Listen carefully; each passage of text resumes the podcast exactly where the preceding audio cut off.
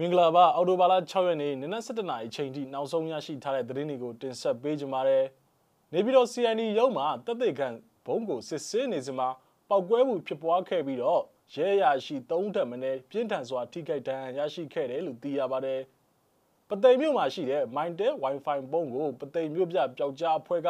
မိုင်းခွဲဖျက်ဆီးခဲ့ပါတယ်။စတဲ့သတင်းအကြောင်းအရာတွေကိုသတင်းတောက်ကျွန်တော်ထွန်းထွန်းဝင်းကတင်ဆက်ပေးကြပါမယ်။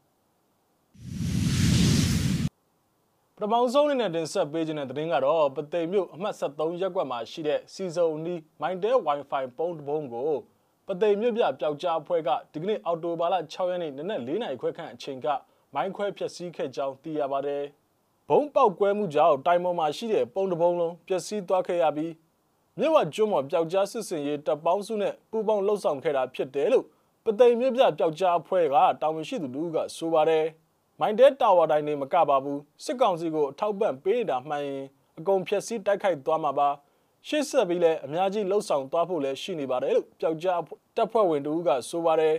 အေရောက်တိုင်းဒေသကြီးအတွင်းမှာမြို့ပြပျောက်ကြားတွေကစေအုပ်စုပိုင်းမိုင်းတဲတာဝါတိုင်းကို9တိုင်အထိမိုင်းခွဲဖျက်ဆီးခဲ့ပြီးမိုင်းတဲ Wi-Fi ဘုံကိုမိုင်းခွဲဖျက်ဆီးတာပထမဆုံးအကြိမ်လည်းဖြစ်တယ်လို့သိရပါတယ် ဆက်လက်ပြီးတင်ဆက်ပေးခြင်းတဲ့သတင်းကတော့နေပြည်တော် CID ရုံးမှာတပ်တေကန်ဘုံကိုစစ်ဆေးနေစဉ်မှာပောက်ကွဲမှုဖြစ်ပွားခဲ့ပြီးတော့ရဲရရှိအ ਨੇ စုံ3ပြင်းထန်စွာဒဏ်ရာရရှိခဲ့တယ်လို့နေပြည်တော်သတင်းများအရသိရပါတယ်။အော်တိုဘာလ9ရက်နေ့ညနေ4:25မိနစ်အချိန်မှာနေပြည်တော် CID ရုံးမှာတပ်တေကန်ပစ္စည်းများကိုစစ်ဆေးနေစဉ်မှာပောက်ကွဲမှုဖြစ်ပွားခဲ့ခြင်းဖြစ်ကြောင်းသိရပါတယ်။နေကလာတဲ့တပ်တေကန်ပစ္စည်းကိုစမ်းသပ်ရင်းကွဲတာဒဏ်ရာပြင်းတယ်ချက်ချင်းဆေးရုံကိုတန်းပို့လိုက်တယ်လို့ကြားတယ်။ ထိတာက3ယောက်အနည်းဆုံးပဲလို့နေပြည်တော်မှရဲတပ်ဖွဲ့ဝင်တဦးကဆိုပါတယ်ထိခိုက်ဒဏ်ရာရရှိခဲ့တဲ့ရဲတပ်ဖွဲ့ဝင်များမှခရိုင်မှုအဆင့်ရှိတဲ့ရဲအရာရှိများဖြစ်တယ်လို့သိရပြီးတော့နမယ်နဲ့ယာရုအသေးစိတ်ကိုတော့၎င်းကဖြေကြားခဲ့ခြင်းမရှိပါဘူးပောက်ကွဲမှုဖြစ်ပွားတဲ့ CIN ရုံးဟာဇပူတိရိမြို့နယ်ဇေယတိတ်ရက်ကွက်မှာတည်ရှိပါတယ်နေပြည်တော်မှာအော်တိုဘာလ9ရက်နေ့နေ့လယ်ပိုင်းအချိန်ကလည်းလာဝကဝန်ထမ်းကြိုဖို့ကားကိုလက်လုံမိုင်းပြစ်ပေါက်ခံရမှုဖြစ်ပွားခဲ့ပြီးတော့ ထိခိုက်ဒဏ်ရာရရှိခဲ့သူမရှိကြောင်းသိရပါတယ်။နောက်ထပ်တင်ဆက်ပေးခြင်းတဲ့သတင်းကတော့ပလဲမြို့နယ်မှာဖြစ်ပွားနေတဲ့တိုက်ပွဲဖြစ်စဉ်များအပေါ်သတင်းထုတ်ပြန်မှုများနဲ့ပတ်သက်ပြီးတော့ပလဲပြည်သူ့ကာကွယ်တပ်ဖွဲ့နဲ့ပြည်သူ့တော်လှန်ရေးတပ်မတော်တို့ကြားမှာအပြန်အလှန်အငင်းပွားမှုတွေဖြစ်ပေါ်နေပြီးတော့ online လူမှုကွန်ရက်စာမျက်နှာကနေတဆင့်အသီးသီးသတင်းထုတ်ပြန်ထားကြပါတယ်။ငကမတောင်နီအော်တိုဘာလ3ရက်နေ့နဲ့4ရက်နေ့ကဖြစ်ပွားခဲ့တဲ့တိုက်ပွဲများအတွင်း တိုက်ခိုက်မှုဖြစ်စဉ်နဲ့အကြမ်းဖက်စစ်ကောင်စီတေဆုံးမှုစီရင်ထုတ်ပြန်ရမှာတပ်ဖွဲ့နှစ်ဖွဲ့ကြားမှာအငင်းပွားမှုတွေဖြစ်ပေါ်လာခဲ့ခြင်းဖြစ်ပါတယ်။အဆိုပါနဲ့တိုက်ပွဲဖြစ်စဉ်နဲ့ပတ်သက်ပြီးငကမတောင်အနီးဝမ်းပြင်ရွာရှေ့ဘက်ချမ်းမှာအကြမ်းဖက်စစ်ကောင်စီရဲ့အမြောက်ကားပါဝင်လာတဲ့စစ်ကြောင်းကားတန်းတိုက်ခိုက်မှုကိုပလဲပြည်သူ့ကာကွယ်တပ်ကဘုံငွေမင်းတပ်ခွဲမှလူဝင်ရ80ခန်းဖြင့်မိုင်း16လုံးဖောက်ခွဲတိုက်ခိုက်ခဲ့တာတိုက်ပွဲပြင်းထန်မှုရှိခဲ့ပြီးတော့အကြမ်းဖက်စစ်ကောင်စီတပ်ဖွဲ့ဝင်25ဦးခန့်တေဆုံးခဲ့ကာ ဒဏ်ရာအများပြားတွေ့ရှိခဲ့ကြောင်းကိုပလဲပြည်သူ့ကာကွယ်တပ်ဖွဲ့ကဆိုပါတယ်အဆိုပါဖြစ်စဉ်နဲ့ပတ်သက်ပြီးပြည်သူ့တော်လှန်ရေးတပ်မတော်ကအကြမ်းဖက်စစ်ကောင်စီဘက်က33ဦးကြာဆုံးခဲ့ပြီးတော့ဆိုပါတိုက်ပွဲမှာမိုင်းဆွဲခဲ့သူမှာဂျိုဝါဖြစ်ပြီးတော့၎င်းကပြည်သူ့တော်လှန်ရေးတပ်မတော်အမှတ်စဉ်1တင်နန်းတပ်သားသူဖြစ်ကြောင်းကိုဖော်ပြထားပါတယ်မိုင်းဆွဲပြေးချိန်မှာအကြမ်းဖက်စစ်ကောင်စီကလိုက်လံပစ်ခတ်ပြီးထွက်ပေါက်ပိတ်နေစဉ်မှာပြည်သူ့တော်လှန်ရေးစခန်းကိုဖုံးဆက်အကူအညီတောင်းတာကြောင့် ဗိုလ်စောကစစ်ကောင်စီတပ်များနဲ့အပြန်အလှန်ပစ်ခတ်ခဲ့ပြီးတော့စကန်သူခေါ်ဆောင်လာခဲ့တယ်လို့ပြည်သူတော်လှန်ရေးတပ်မတော်ကဆိုပါတယ်။မုံရွာကနေတက်လာတဲ့အကြမ်းဖက်စစ်ကောင်စီရဲ့ရင်တန်းကိုဝင်းပြင်းရွာရှေ့ဘက်မှာမိုင်း16လုံးနဲ့တိုက်တာအဲ့ဒါကပလဲပြည်သူကာကွယ်တပ်ကတရင်တစ်ဘိုးကျော်စွာတို့အဖွဲ့ကတက်ခွဲဘုံငွေမင်းနဲ့အင်အား80ကမိုင်း16လုံးနဲ့တိုက်တာ10လုံးကျော်ကွဲတယ်နနက်ခင်းကဖြစ်တာပါအကြမ်းဖက်စစ်ကောင်စီဘက်က25ယောက်သေးတယ်ဒဏ်ရာရတဲ့သူတွေလည်းများကြတယ်အဲ့ဒီနောက်မှာတိုက်ပွဲကပြင်းတယ် အဲ့ရင်တန်းကရှေ့ဆက်မသွားနိုင်တော့ဘူးအတိုက်ပွဲပြီးတော့ရွာနောက်ဖက်ချမ်းဂံကောဘက်ကစစ်ကူလာတဲ့ကားနှစ်စီးကိုပုံတောင်ပုံညာဒေသကျွန်းချောင်းတရာနီမှာကျွန်တော်တို့စီကတရင်နှစ်နဲ့ဘိုးသူရိန်နဲ့ပြည်သူတော်လှန်ရေးတပ်မတော်တို့ပူးပေါင်းတိုက်ခိုက်တာပါအတက်ကနနက်7နာရီချိန်လောက်ပါနောက်2နာရီဝန်းကျင်ချိန်လောက်မှာဗိုလ်မှုတင်မြင့်ခွင့်နေရာမှာဖြစ်တယ်အဲ့ဒါကတော့မပြင်းထန်ဘူးနေ့လည်ခင်းကဖြစ်တဲ့တိုက်ပွဲနှစ်ခုမှာပလဲပြည်သူကာကွယ်ဘက်ကရဲဘော်တယောက်ကြာဆုံးတယ်လို့ ပလဲပြည်သူကာကွယ်တပ်မှဘုံနဂါကဆိုပါတယ်ပလဲပြည်သူကာကွယ်တပ်ကပြည်သူကာကွယ်တပ်မတော်ကိုနေမြေကန်ရဲဘော်များအပေါ်လုံးဝလေးစားမှုမရှိဘဲမဟာမိတ်ကျင်းဝတ်စောက်ထိန်မှုမရှိကမိမိတို့အမိသာခံယူပြီးတော့ပြည်သူလူထုရဲ့အာရုံစူးစိုက်မှုကိုခံယူလိုတဲ့မဟုတ်မမှန်သတင်းများထုတ်ပြန်ထားတယ်လို့ပြောဆိုထားပါတယ်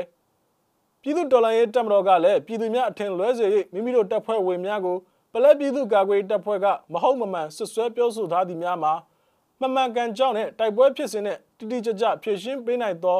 ဒေသခံကာကွယ်ရေးကော်မတီတပ်ဖွဲ့ဝင်များကိုဆက်သွယ်နိုင်ကြောင်းကိုလည်းပြန်လည်ဖြည့်ရှင်းထားပါတယ်။ပြည်သူတော်လှန်ရေးတပ်မတော်မှပြန်ကြားရေးတာဝန်ရှိသူဘိုးဂျပန်က3ရက်နေ့တိုက်ပွဲက2ကြိမ်ဖြစ်တာပါ။နနက်9နာရီငကမတောင်မှာတစ်ကြိမ်နနက်7နာရီချိန်ကနတ်ထိတ်ကုန်းတောင်မှာတစ်ကြိမ်မှာငကမတောင်မှာအကြမ်းဖက်စစ်ကောင်စီက33ဦးသေတာမိုင်းဆွဲတဲ့ကလေးကဒီဘက်ကတင်တဲ့အမတ်စင်တစ်ကကလေးတွေပါ သူတို့မိုင်းဆွဲပြီးမှနောက်ကလိုက်ပစ်တဲ့အချိန်ကလည်းသူတို့ဖုံးဆက်အကူအညီတောင်းလာလို့ဒီဘက်ကဘိုဇွန်နဲ့အဖွဲ့ကကဲထုတ်ပြီးတော့ဒီဘက်ကိုရောက်လာတာပါစစ်ခွေးဘယ်နှယောက်ကြတယ်ဆိုတာသတင်းရပါတယ်ဘိုနဂါကအက်ကလေးတွေကို NUG ကိုတင်ပြရမယ်ဆိုပြီးတော့သူတို့ရွာရဲ့ဥက္ကဋ္ဌကကလေးတွေရဲ့နာမည်ကိုပေးလိုက်တာသူတို့ကလေးတွေလောက်တာဆိုပြီးရစ်တင်ရချင်းဖြစ်တယ်လို့သူကဆိုပါတယ်အော်တိုဘာလ3ရက်နေ့နေ့ပိုင်းချိန်ကတိုက်ပွဲဖြစ်စဉ်နဲ့ပတ်သက်ပြီးတော့ပလဲပြည်သူကာကွယ်တပ်မှဘိုနဂါဆိုသူက အရှိဘက်ဂျန်တိုက်ပွဲမှာသူတို့ပါကိုမပါဘူးမိုင်းပညာသွားပြီးလေးလာဖူးတဲ့ကလေး3ယောက်ပါတယ်ဆိုတာလေးနဲ့ဆွဲထုတ်ပြောတဲ့စကားပါကျွန်တော်တို့စီမှာဒေတာအစုံက200 300လောက်ကတင်နှန်းတက်နေကြတာသူတို့တွေတရင်လို့ပြန်သွားရင်ပလဲပြည်သူကာကွယ်တပ်ကလူလို့လှုပ်လို့မရဘူးဒေတာကန်တွေလည်းရှိပါရဲ့နဲ့သတင်းကိုအာရုံစိုက်မှုရအောင်ဒေတာကန်ကိုဖျောက်ပြီးတင်တာမျိုးနောက်နောက်မလုပ်ဖို့ပါလို့သူကဆိုပါတယ်၎င်းတို့အဖွဲ့အသီးသီးရဲ့ဖြည့်ရှင်းချက်များအောက်မှာအများပြည်သူများက စိတ်ဝမ်းမကွဲပဲညီညွတ်ကြရန်အချင်းချင်းညှိနှိုင်းဖြည့်ရှင်းကြရန်ဘုံရန်သူကိုသာဥတီကြရန်နဲ့အဖွဲ့အသီးသီးဟာလေးစားချစ်ခင်ကြောင်းကိုမှတ်ချက်ပြုထားကြပါတယ်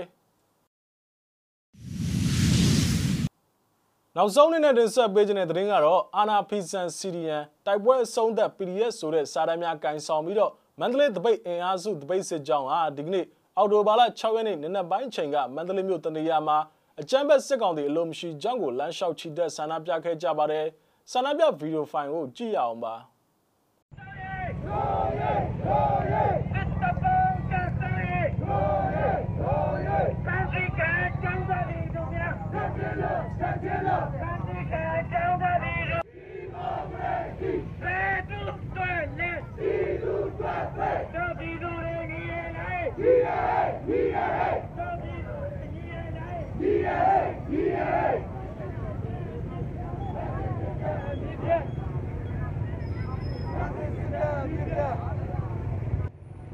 Out, out.